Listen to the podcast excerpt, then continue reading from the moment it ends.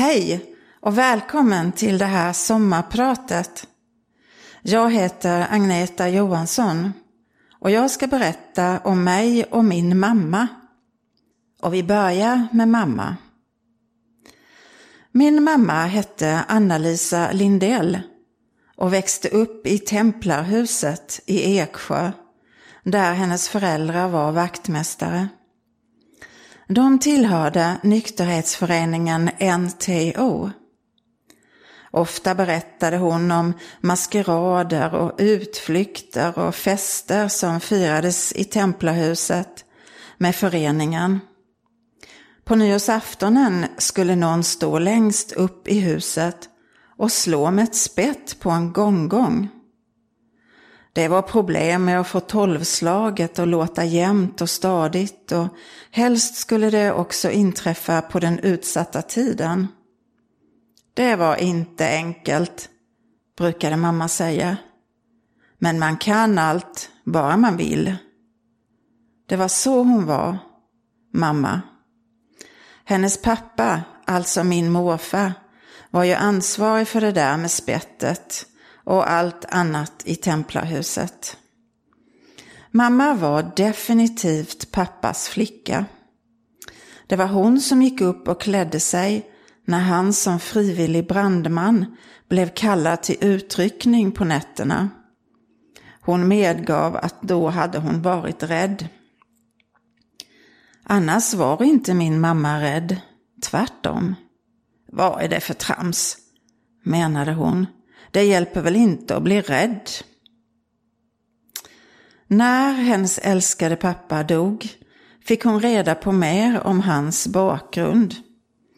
Att han var född i en backstuga under gården Kulla i Höreda socken. Jag minns att vi var där och tittade efter morfars begravning och huset fanns kvar. Om man nu kan kalla det för hus. Det användes som vedbod då. När morfar var i tioårsåldern kom han som fosterbarn till prosten Gustavsson i Hareda. Det var samme prost som 1879 började ha samlingar i Ingarps skola. Han var en god förkunnare och de flesta äldre i bygden kom för att lyssna till honom, står det att läsa om prosten i Ingarps församlings minnesskrift från hundraårsjubileet. Det tog en stund innan jag insåg att det på något sätt också gav mig en liten koppling till Ingarp, långt innan jag var född. Det kändes bra, som en bekräftelse på något sätt. Nu ska vi få lyssna till lite musik ifrån den tiden. Och håll i er. I nykterhetens sanne vänner Stånd upp, nu gäller det framåt Kring eder mördas barn och vänner Hör deras rop och bittra gråt Hör deras rop och bittra gråt Ska dryckenskapen få föröda med fräck och blodbesudlad hand. Vår här, vårt folk, vårt fosterland ska frid och sällhet här förblöda. Framåt med sanningen, sanningen om jorda det vi går,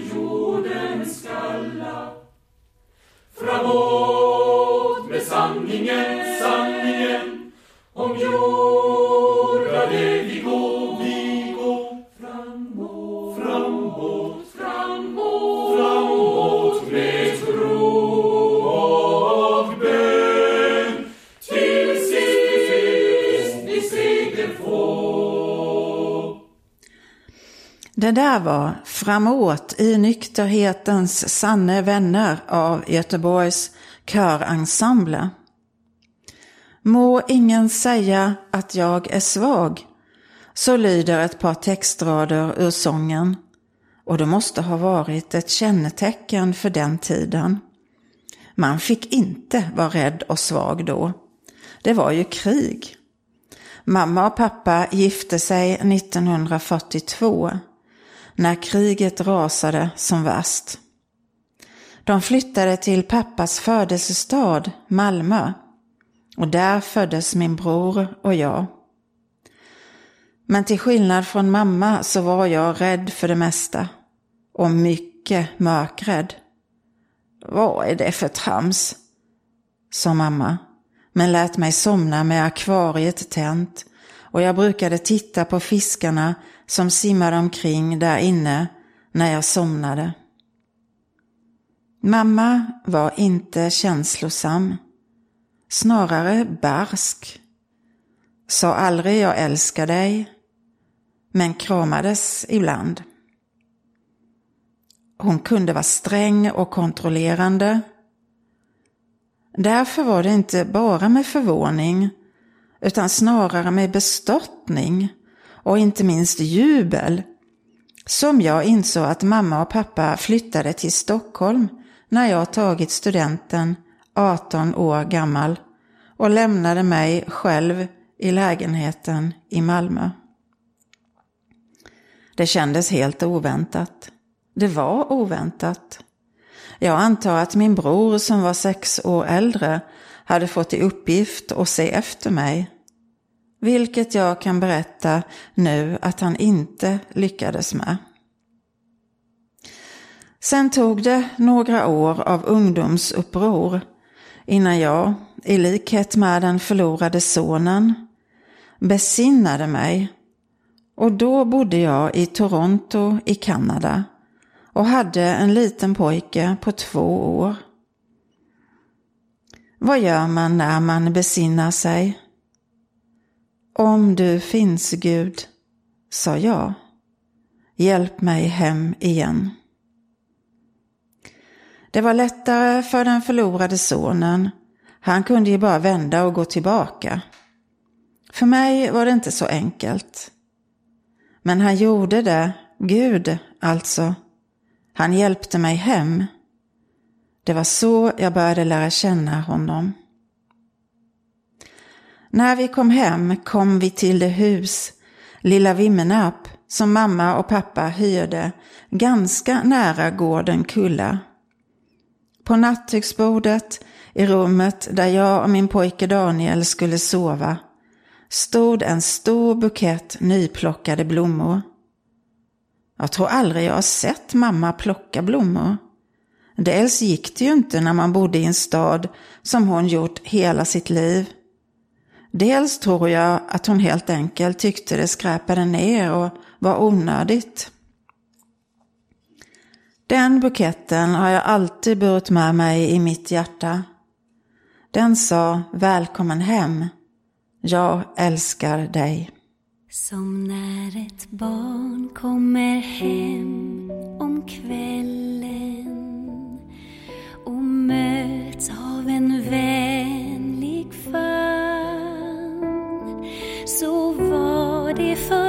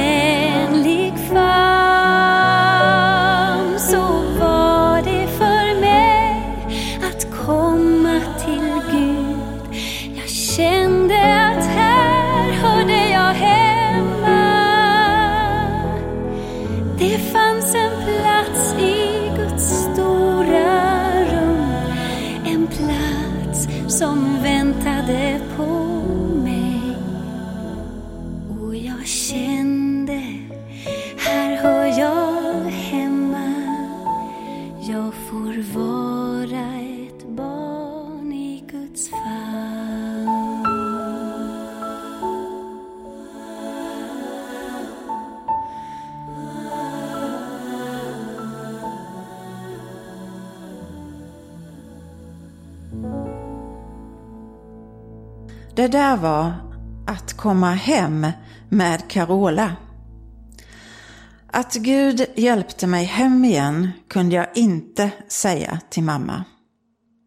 Det var svårt att tala med mamma om Gud. Hon ansåg det nästan oanständigt att tala om sin tro. Det var något man höll för sig själv. Hon kunde gå i kyrkan men ansåg att det måste gå lugnt och städat till, inget trams. Men Gud drog mig allt närmre och närmre utan att jag kunde göra något åt det. Jag fick möta hans son Jesus Kristus och blev förälst och pånyttfödd och senare vuxendöpt. Det hade inte mamma räknat med, men höll god min, även om hon tyckte det var konstigt. Hon kunde ju tagit på sig en del av ansvaret kan man ju tycka, för det var i alla fall hon som lärde mig be Gud som have när jag var barn. Jag började gå runt till olika församlingar för att testa vad jag hade hemma. Jag vet inte vad jag hade väntat mig skulle hända. En skrift på väggen kanske. En röst som talade till mig. Det här är rätt församling. Jag vet i alla fall att jag bad till Gud att det inte skulle bli pingstkyrkan, för då hade mamma aldrig förlåtit mig. Jag gick till olika kyrkor i Eksjö, men ingen kändes rätt. Det var i Bonderud som någon ledde mig på rätt spår. Jag bodde i Bonderud då och hyrde ett torp mitt i betesvallen. Ett hus med taggtråd runt om så inte korna skulle gå ända in i huset. En dag hörde jag talas om Ingarp. I Ingarp går alla i kyrkan, sa man. Ja, hela byn. Alla barnen går i söndagsskola. Det är en alldeles speciell by. Jaha, tänkte jag. Ingarp. Jag kanske skulle pröva där. Undrar var det ligger någonstans.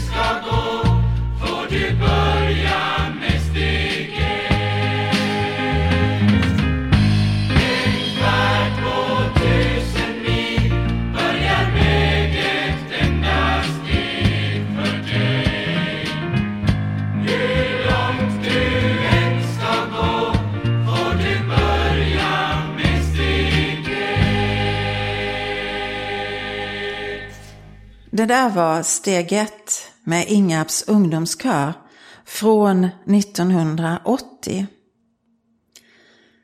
Nu ska jag berätta hur det var när jag kom till Ingarp för första gången.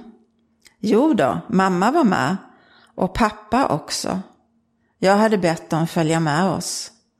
Det var påskauktion och jag tänkte att det kan väl inte vara så farligt. Inget tungotal och sånt. Mamma var ju med i Kulla lilla syförening och van vid missionsaktioner. I Ingarp träffade jag på människor jag kände. Föräldrar till klasskamrater till min pojke Daniel. Vi kom in, fyra helt främmande människor, till en påskauktion. Jag kan ju se det från andra hållet nu, men då förstod jag inte hur udda vi var. Jag såg bara alla vänliga leenden, hörde alla som hälsade och sa välkommen och jag hörde Daniel som tjatade och tjatade om en liten hörnhylla han fått syn på. Klart pojken ska ha hyllan om han vill ha den, viskade mamma. Och detta måste sägas om mamma nu. Hon var generös. Hon kunde kosta på sig vad som helst, särskilt när det gällde sina barn och barnbarn. Klart pojken ska ha hyllan, sa hon och beredde sig på att ropa in den. Men så enkelt var det inte. Hyllan var en vinst. Och alla från Ingarp som lyssnar vet vilka priser det handlade om. Men inte med en min röjde mamma vad hon tyckte om det. Inte en kommentar om priserna som låg högt över vad man skulle kunna åstadkomma i Kulla lilla syförening.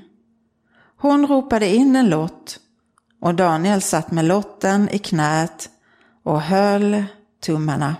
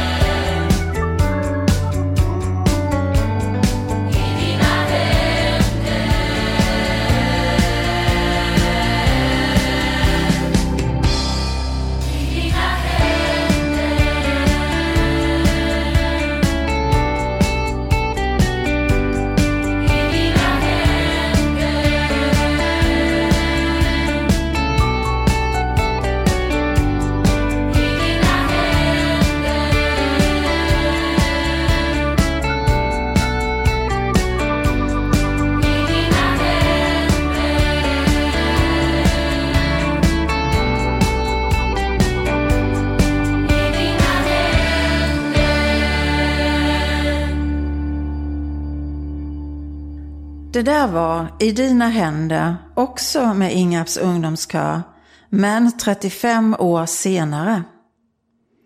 Ja, naturligtvis vann Daniel Hörn hyllan. Och jag gick med i församlingen. Efter något år flyttade vi hit. Det var inte helt enkelt, men man kan allt bara man vill, som mamma brukade säga. Jag fick köpa en tomt och byggde ett hus med hjälp av 10 000 kronor som jag fått i stipendium när jag gick folkhögskolelärarutbildningen. Det var mycket pengar på den tiden, tyckte i alla fall jag. Tillräckligt mycket för att kunna bygga ett hus. Och det gick ihop sig faktiskt. Med mycket tro och mycket lån och mamma och pappa som gick i borgen. Stipendiet gavs till medlemmar i nykterhetsrörelsen från IOGT-NTO. Mamma hade anslutit mig till rörelsen när medlemsantalet började minska. Du dricker ju i alla fall inte, konstaterade hon. Så huset är hennes förtjänst egentligen. Det tog lite tid att förstå vad som förväntades av mig i församlingen. Som det där med att baka. Baka, sa jag dumt. Det lär du dig snart, sa man och klappade mig om ryggen. Men nu ska jag bekänna att det gjorde jag inte och jag kan fortfarande inte baka. Mina 20 första år i församlingen, så länge hon orkade, bakade alltid mamma åt mig. Fina rulltårtor, schackrutor och mandelflarn och allt vad det nu heter. Som vi skulle ha till kyrkfikat. Så lyckades jag dölja min uselhet länge. I församlingen träffade jag min man Rune och vi fick två barn till, Miriam och Jakob. Och vi levde lyckliga här i 34 år tills han dog för två år sedan och jag blev ensam kvar. Jag har nu kommit till en punkt när tacksamheten har tagit överhanden. Tacksamheten över att jag har fått ha en så fin livskamrat i så många år. Tacksamheten över barn och barnbarn. Tacksamheten över församlingen.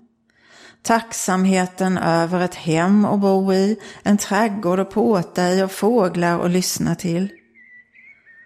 Och tacksamheten över att jag inte är ensam, utan har Gud nära mig ständigt.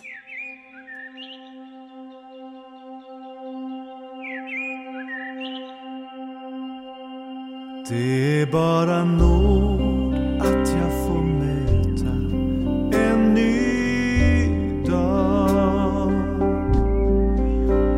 Öppna mina ögon och se mig omkring. Det är bara nåd att fyllas med friden som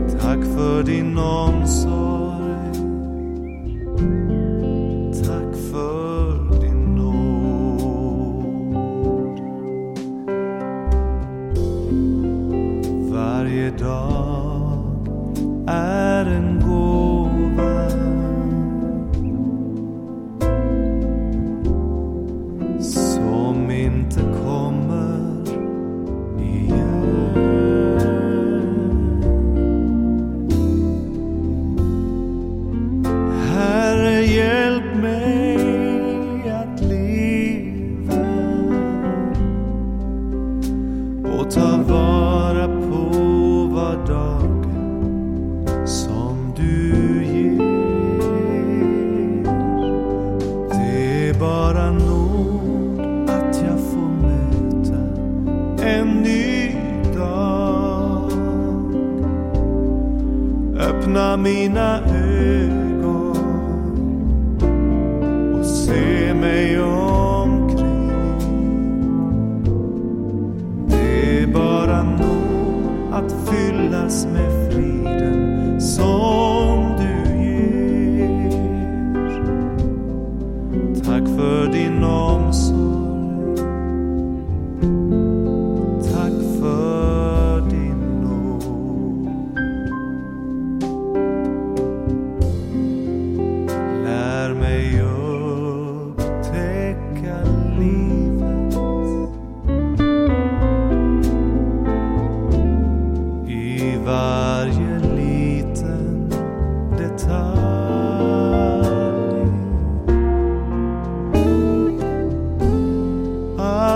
Att inte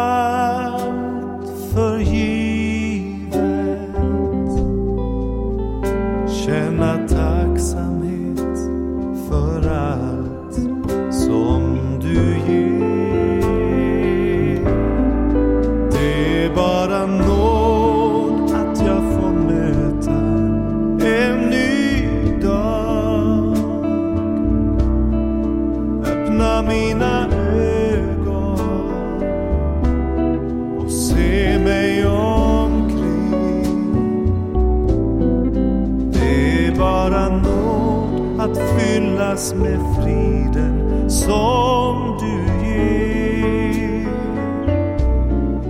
Tack för din nåd.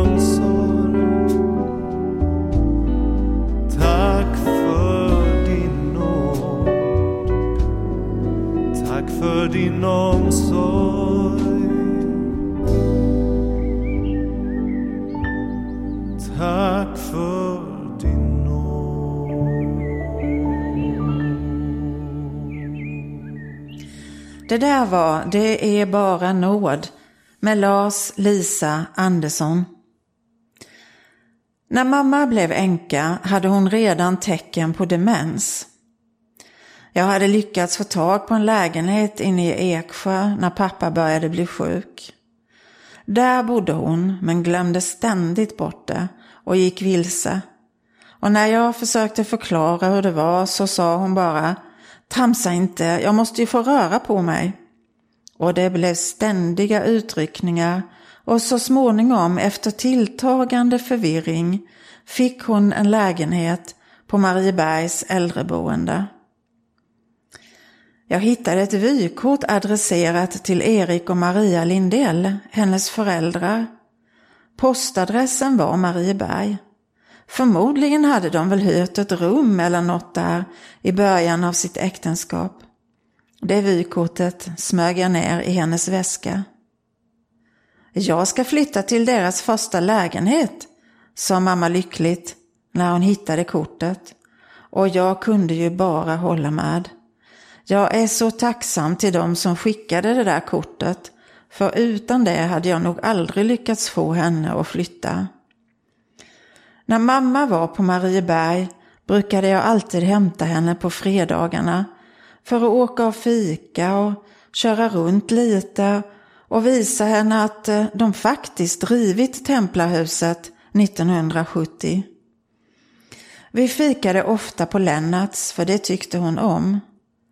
Och varje gång vi satt på uteserveringen om somrarna och tittade på stadshotellet så sa hon Ser du att det sitter svanar på taket där uppe? Nej, mamma. Det är ventilationstrummorna som ser ut som svanar, rättade jag henne alltid. Men en gång, när jag upprepat det där för hundrade gången, for någonting i mig och istället sa jag Nej, mamma, det är inte svanar, det är änglar. Jaså, är det änglar? sa hon. På det viset? Jag funderade mycket på hur hennes värld såg ut.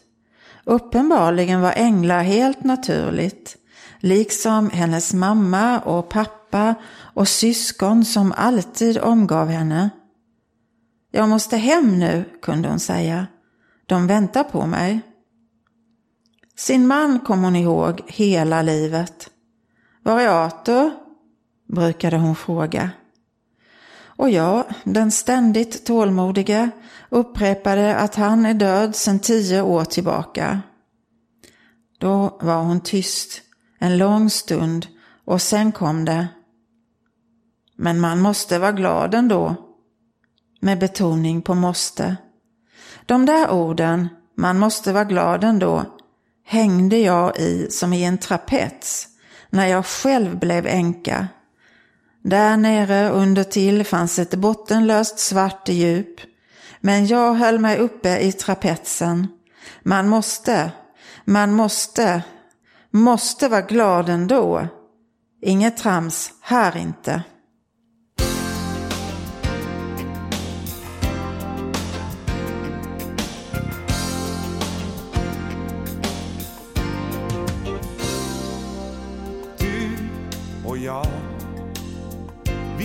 Har förväntningar till det som väntar oss en dag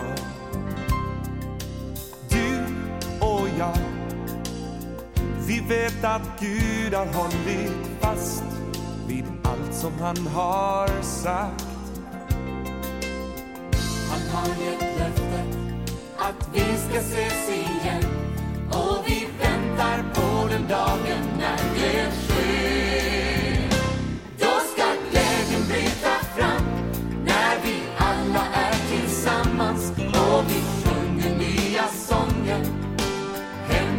Vår far. Och det bästa utav allt är att vi får möta Jesus. Då ska vi få dela glädjen hemma hos vår far.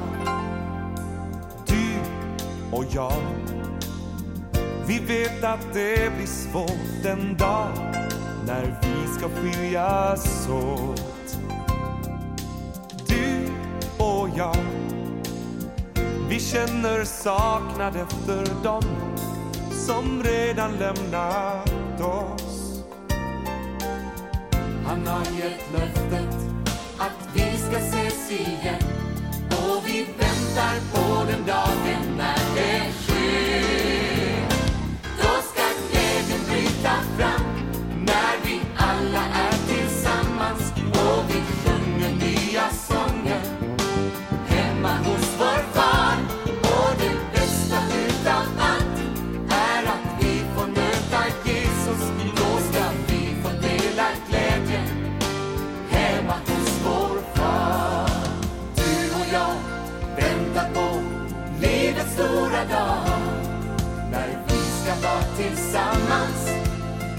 Hemma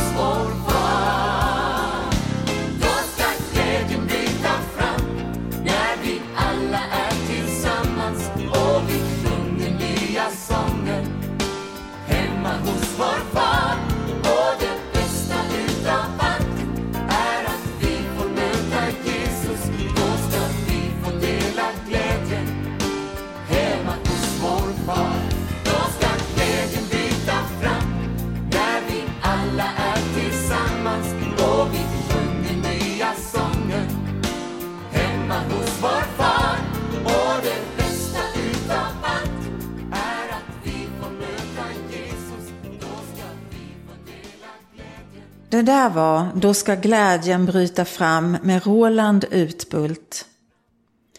När mamma dog var jag hos henne. Jag läste välsignelsen över henne, spelade salmer på min mobil och mitt i tänk att få vakna en morgon så somnade hon lugnt in och vaknade upp i himlen hos Gud. Jag vet att Jesus hämtade henne.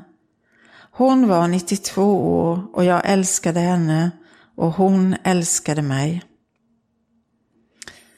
Året efter mamma dog fick jag mitt första barnbarn.